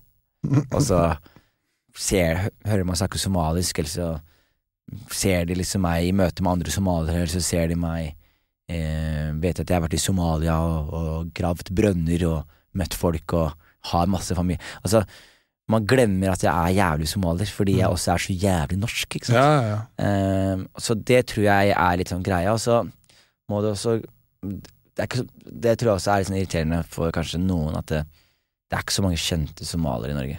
Jeg er kanskje det mest kjente. Og når du har én somalier som er mest kjent, så vil du at den somalieren skal være en showcase for de somaliske verdiene som folk ofte har.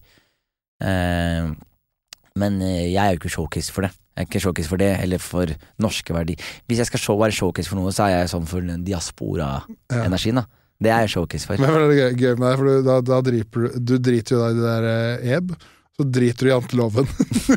Ja, jeg driter, jeg, driter i, jeg driter i både i det norske og Ja, men det er litt det som er sånn, jeg driter i alt det greiene. For jeg bare driter og driter. Men jeg, bare, er, jeg, jeg, jeg merker ikke på konsekvensen. Sånn som hvis jeg hadde bodd La oss- la oss si at jeg hadde bodd uh, i en blokk, da, og alle naboene mine var somaliere, og uh, frokosten min er på somalisk sted, og jeg er i et somalisk miljø. Da vil alle disse tingene selvfølgelig henge mye høyere, ikke sant? fordi du, du lever det hele tiden. Men, men jeg har bare Jeg har detached fra alt. Alt sammen. Og så har jeg etablert meg selv på nytt i Oslo. Og skapt et liv som jeg vil leve. Og, og i det livet der så har jeg plass til liksom min eh, somaliske side. I det livet så har jeg plass til min norske side. I den siden så har jeg plass til familien min. Og jeg har også plass til liksom drømmene mine og det jeg har lyst til å få til i livet. Så jeg er veldig sånn happy med hvordan jeg løser det, på en måte. Og så tror jeg også at eh, på, på samme måte som hvis du, la oss si jeg husker jeg bodde i Skien da Når jeg gikk på videregående. Og når jeg flytta fra Skien, så hadde jeg så mye drømmer. Og jeg husker veldig godt at liksom, folk hjemme eh, ikke unnet meg så gode ting. Da. Det var veldig sånn rykter om meg. Og, «Å, 'Nå har det rabla for gutten'. Å, nå har det rabla for, å, nå har han blitt narkis. Nå har, du hørt om han begynte å skyte heroin i Paris? Sånn. Ja. Og det var, det var masse sånne syke rykter som gikk om meg. Men jeg, i ettertid så skjønner jeg hvor det kommer fra. Det kommer fra at det, de selv har valgt å bli, og så ser de noen som har valgt å dra, og da vil du at din egen avgjørelse om å bli skal være god. Så du vil si at det går til helvete med Du rettferdiggjør for deg selv. Du, ja, du vil din egen avgjørelse for deg selv, og jeg tror det også gjelder da i min eh, levemåte. Ikke sant? Mm. Det at jeg er så fri, så vil det sitte noen som bryr seg veldig om eb-kultur og bryr seg veldig om disse tingene, og så vil de rettferdiggjøre sin egen, sine egne valg eh, ved å håpe da eh, at det ikke går så bra med mine valg. Hvis du Ja, ja. Mm. Men tror du noe, noe av eh, Jeg vet ikke hvor mye du tenker på det, eller hvor mye realitet det er i det, da. Men si for eksempel at uh, Som jeg tror noe er, liksom, kan være med på å skape det litt, da, er for eksempel si uh, mot, Si for motformodning, da. Ikke at det har skjedd, men at du blir tatt i fyllekjøring, da. Mm. Da er det overskrifter i andre landets aviser Mm. eh, om eh, hvor fæl og stygg du er. Men hvis du bygger ti brønner i Mogadishu, så er det ikke et kvepp. Ingenting. Ingenting.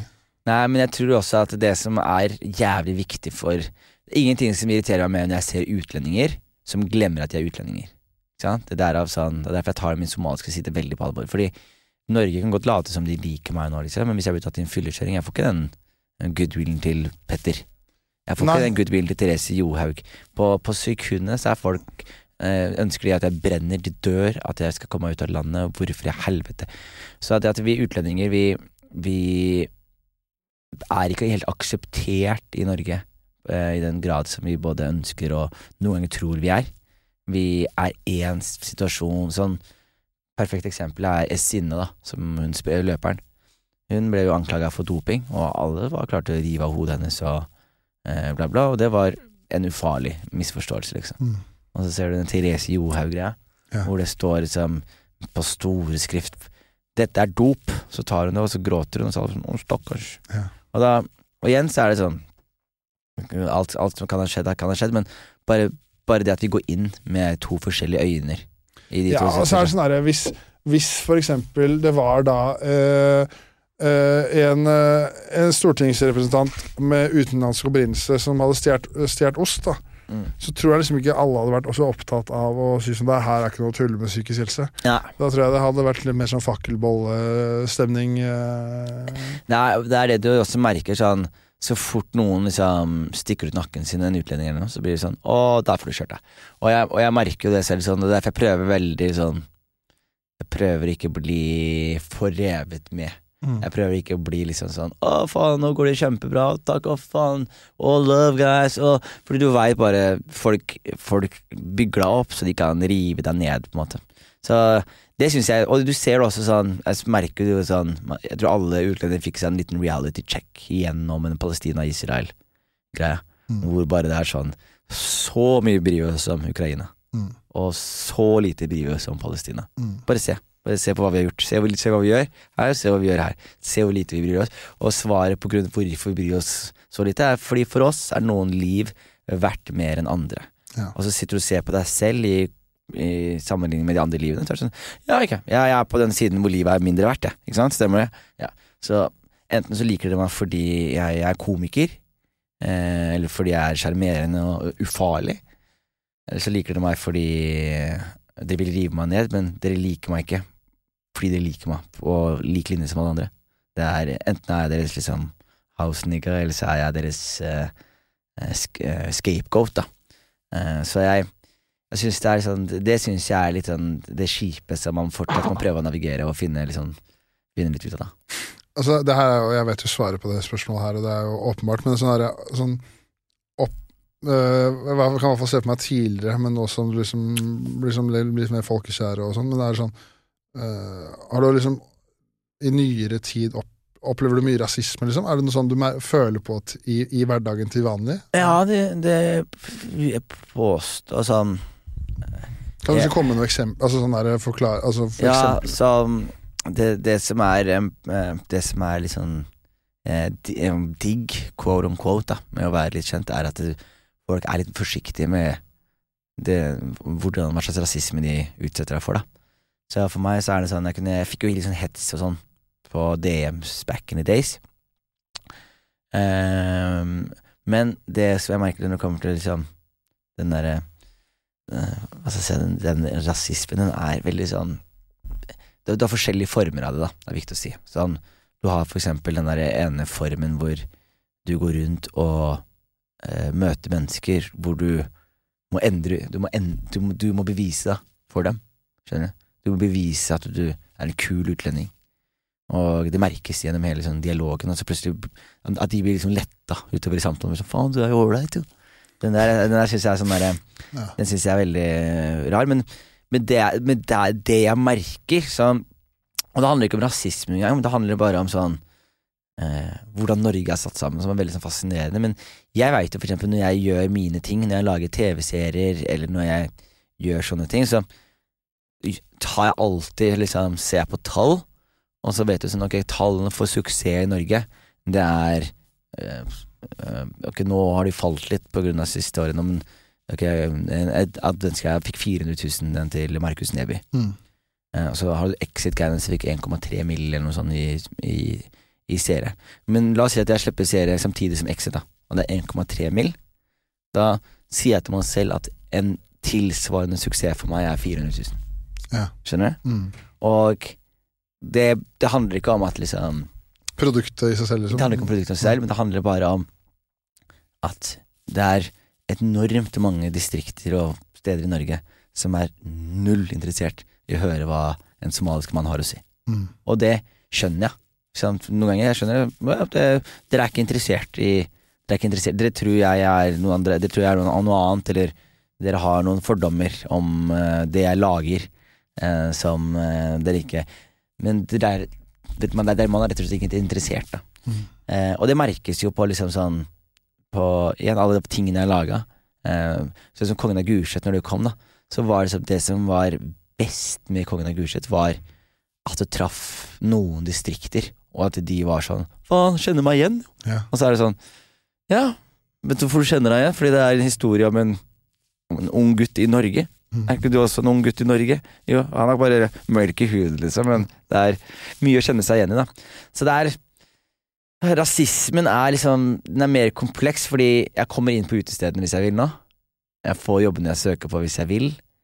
Eh, og jeg har lært meg å navigere rasismen så mye at det ikke er en sånn stor, omfattende del av livet mitt på noen som helst måte, men det bare merkes på, på småting hele Mm. tiden, støtt og stadig. Og så merker du også på de større bildene.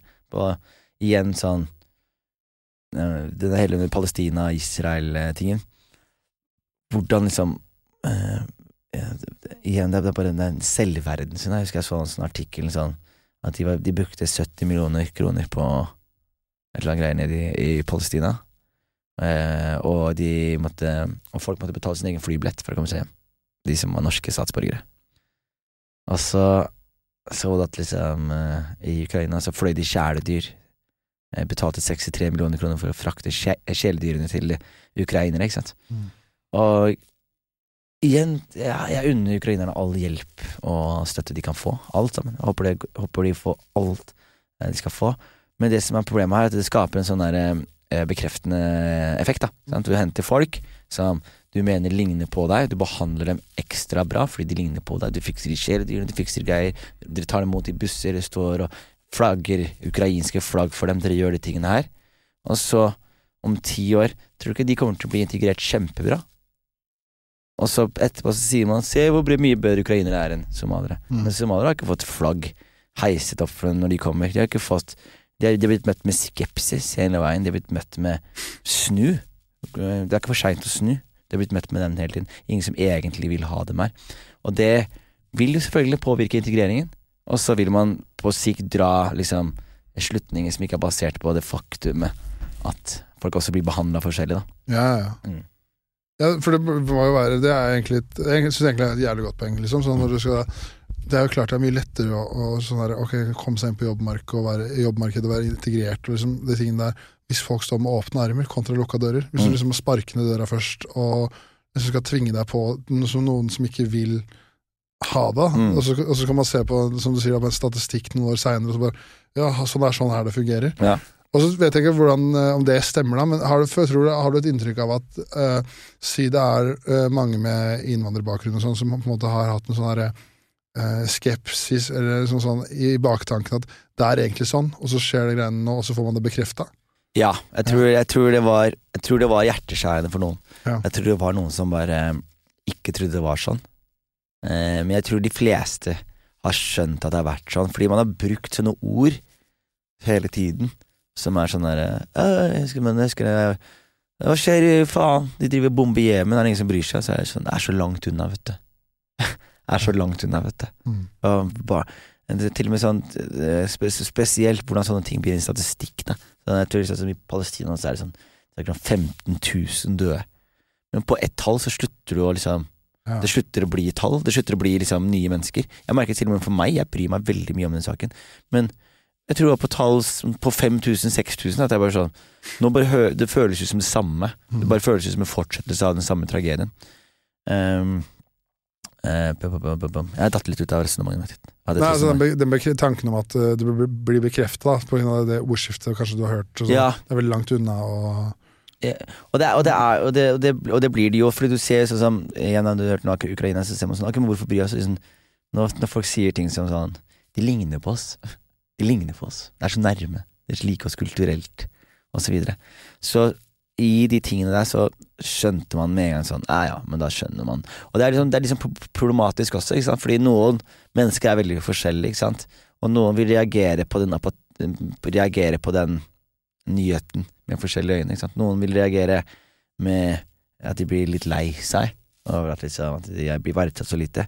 Noen vil bli sure. Ikke sant? Noen vil bli liksom Fuck Norge, rasistland. Jævla rasistland. Sant? Men, og, og det vil skape bare veldig mye sånn ja, en, en negativ bevegelse som vil skape negative ringvirkninger som skaper negative mm. eh, bevegelser igjen. Da. Men har du, noe, har du noen tanke om hvordan man liksom kan uh, endre på det eller bekjempe, eller er det, er det liksom ikke noen måte å gjøre det på? Det som jeg bare merka, sånn som jeg, jeg, jeg henger mye på Reddit, da. Og så var jeg på Og Reddit har en sånn Norge-Reddit-gruppe. Og det som jeg merka der, var at det, den var alltid litt sånn spennende og kul å være i, men så plutselig, siste året, så har det vært så jævlig mye liksom sånn Sånne Berikelsen! Det er et Veldig sånn VG-kommentarfelt, da. Veldig. Og det var veldig sånn spesielt, for når jeg ser det, så plutselig er det som Ingenting jeg kan si til dere. Det er ingenting jeg kan gjøre for dere. Og jeg nekter å være han fyr. Det er ikke min jobb å overtale dere om at rasisme ikke er eh, riktig. Mm. Jeg husker til da jeg var yngre, så var jeg veldig opptatt av det. For eksempel, jeg husker for eksempel, Hvis jeg tok bussen og sånn, så var, var jeg jævlig kul med eldre mennesker. Jeg ga de setene mine og hjalp til å bære ting ut og inn av bussen. Og, og grunnen til at jeg gjorde det, var fordi jeg tenkte ja, nå er det en mindre rasist. Ja. Som er bare helt sånn urimelig Press press å legge på en niåring, liksom. Mm. Hvorfor skal jeg gå rundt og bekjempe rasisme? Er ikke, rasisme burde ikke bekjempe rasisme. Altså, det er liksom Så det er jo liksom Det er veldig sjeldent vi får gjort, eller veldig lite vi får gjort. Og eh, jeg merker jo liksom det Men det eneste som hadde vært digg, hadde bare vært en konsekvent tilnærming til ting, da. At man er konsekvent, og hvis man ikke er konsekvent, at man er tydelig om hvorfor man, man ikke er konsekvent. Det hadde vært veldig nice for meg. Mm. Sånn, ok, enten at man er konsekvent, vi bryr oss om eh, okkupasjon, og vi bryr oss om krig og elendighet, og vi skal være en positiv liksom, greie der. Vi skal sende våpen til Ukraina og hjelpe de å beskytte seg selv.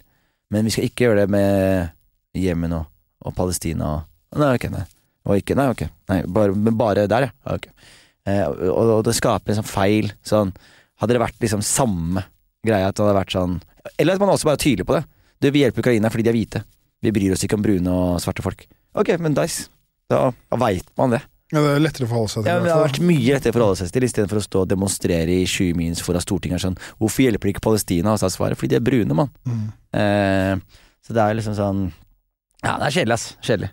Men eh, jeg, eh, en på siste ting på det, er sånn herre Tror du eh, For du var inne på det at, sånn, at dine foreldre for eksempel, da, Mm. aldri vært opptatt av Eller aldri opptatt eller fått muligheten til å fortelle sin historie. Mm. Og så hører jeg for eksempel uh, Har jeg hørt podkast med Chirag, for eksempel, Mm. hvor han snakker om at, han har så, at, det er så, at det aldri er noen som liksom forteller eh, foreldrene, de, foreldregenerasjonen til deres da, sin historie. Ja. Og at tror du kanskje det har noe med grunnen å gjøre? At liksom, nå, nå kommer det en ny generasjon, sånn som deg eller Karpe eller hvem det måtte være, Mm. Arif eller hvem det måtte være, som liksom er i stand til å uh, ha skapt noe eget og kan fortelle sin historie. Mm. Så man da, sånn som de som vokser opp nå, er liksom vant til å vokse opp med dere i mediebildet, høres deres historier, og, liksom, og blir liksom påvirka av dere, ser opp til dere, mens det aldri var noe rom for den foreldregenerasjonen til å fortelle sin historie, Mm. som liksom gjør at det fortsatt er blant eh, mange eldre folk er sånn herre uvitenhet og mangel på kunnskap som fører til rasisme. Ja, det tror jeg på. Og jeg Mm. tror også,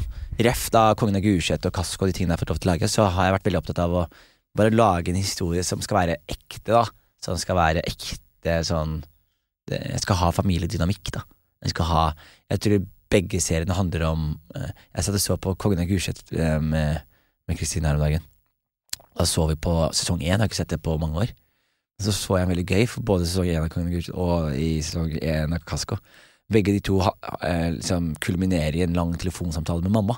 Ja, ja, ja. Så til at jeg har et sånn sykt sånn mamma-kompleks, da, som Mm. jeg ikke har fått løs på.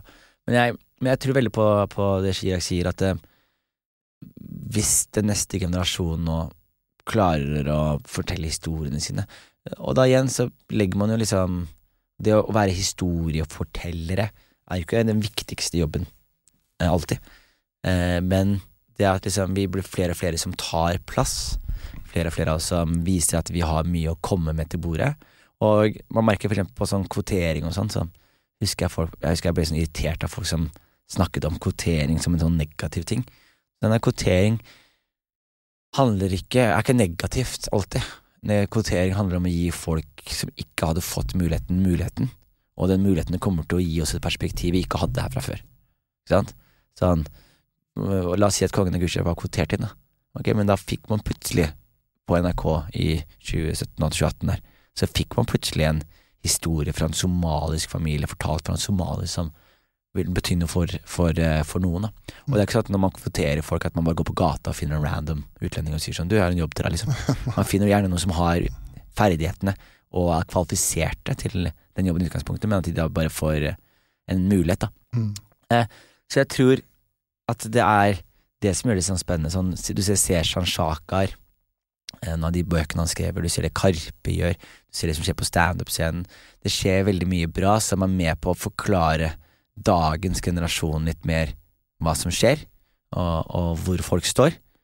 Eh, men svaret er rett og slett at eh, folk må dø, ass. Ja. Eldre folk må bare daue og ryke. Jeg tenker litt sånn derre Alle over 76 må bare daue. Så tenker jeg at hvis du er født etter 80 og du er litt rasist, så så skal Frp må jo ha velgere, de også. Du skjønner hva jeg mener? ja, ja, ja. Men eh, du, jeg vet det, du har eh, snart uh, jeg har- jeg har- show. De har, har mat nede til Baff hvis vi vil være med og spise julemat. Ja, og så er det Men eh, så- også er det det siste jeg skal si, da, at det noe som er kult for deg, da.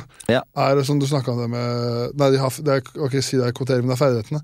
Men da må det være litt kult at du ser noe sånn som Kongen av Gushet, da, som får sånn ny vind nå, med neste generasjon på TikTok. Altså, jeg ser jo Ja. Du kommer opp i feeden min ganske ofte klipp fra Kongen av Gusjet. Det syns jeg er veldig spennende. Ja, synes ikke det? Jeg liker det, jeg liker det veldig godt, og, og det er litt sånn deilig, for når du lager TV og sånne ting, så jobber du så jævlig lenge for to minutter Mm. med oppmerksomhet.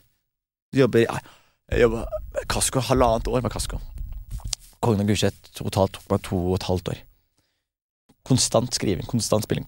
Konstant, jobbe, konstant i klipp, konstant foto, konstant casting, konstant greier.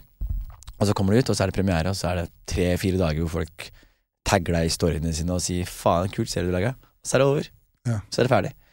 Eh, og for meg så er det en sånn eh, Det er kjedelig når eh, det er eh, Når du jobber så hardt for, for, for så lite. Derfor er det liksom ekstra gøy å se når du ser Kasko og Kongen av Gulset få liksom nytt liv på, på Zoom. Da blir jeg veldig glad. Mm. Og så blir jeg også veldig glad av å vite at, liksom, at det, det står jo evig. Ja. Jeg kan Den dagen jeg får barn, så kan jeg være sånn Ja, faen, dere går på ungdomsskolen, eller? Ja. Skal jeg vise dere åssen jeg hadde det på ungdomsskolen? Mm. Her, faen, jeg laga en serie. Sjekk. ja. At jeg har det i arkiv, da, Mm. jeg er veldig spennende. ja, det er dritkult. Mm. Du, tusen takk for at du gadd å komme og dele og hele pakka. Det var helt, eh, helt nydelig. Tusen takk. Skal du ha med å spise litt julemat, eller? Ja, jeg kan bli med på det. Ok, men da avslutter vi. Da avslutter vi, ass. Ja, igjen takk for Sjekk eh, ut podkasten min. Lok. Har du et enkeltpersonforetak eller en liten bedrift? Da er du sikkert lei av å høre meg snakke om hvor enkelt det er å levere skattemeldingen med fiken, så vi eh, gir oss her. Fordi vi liker enkelt. Fiken superenkelt regnskap.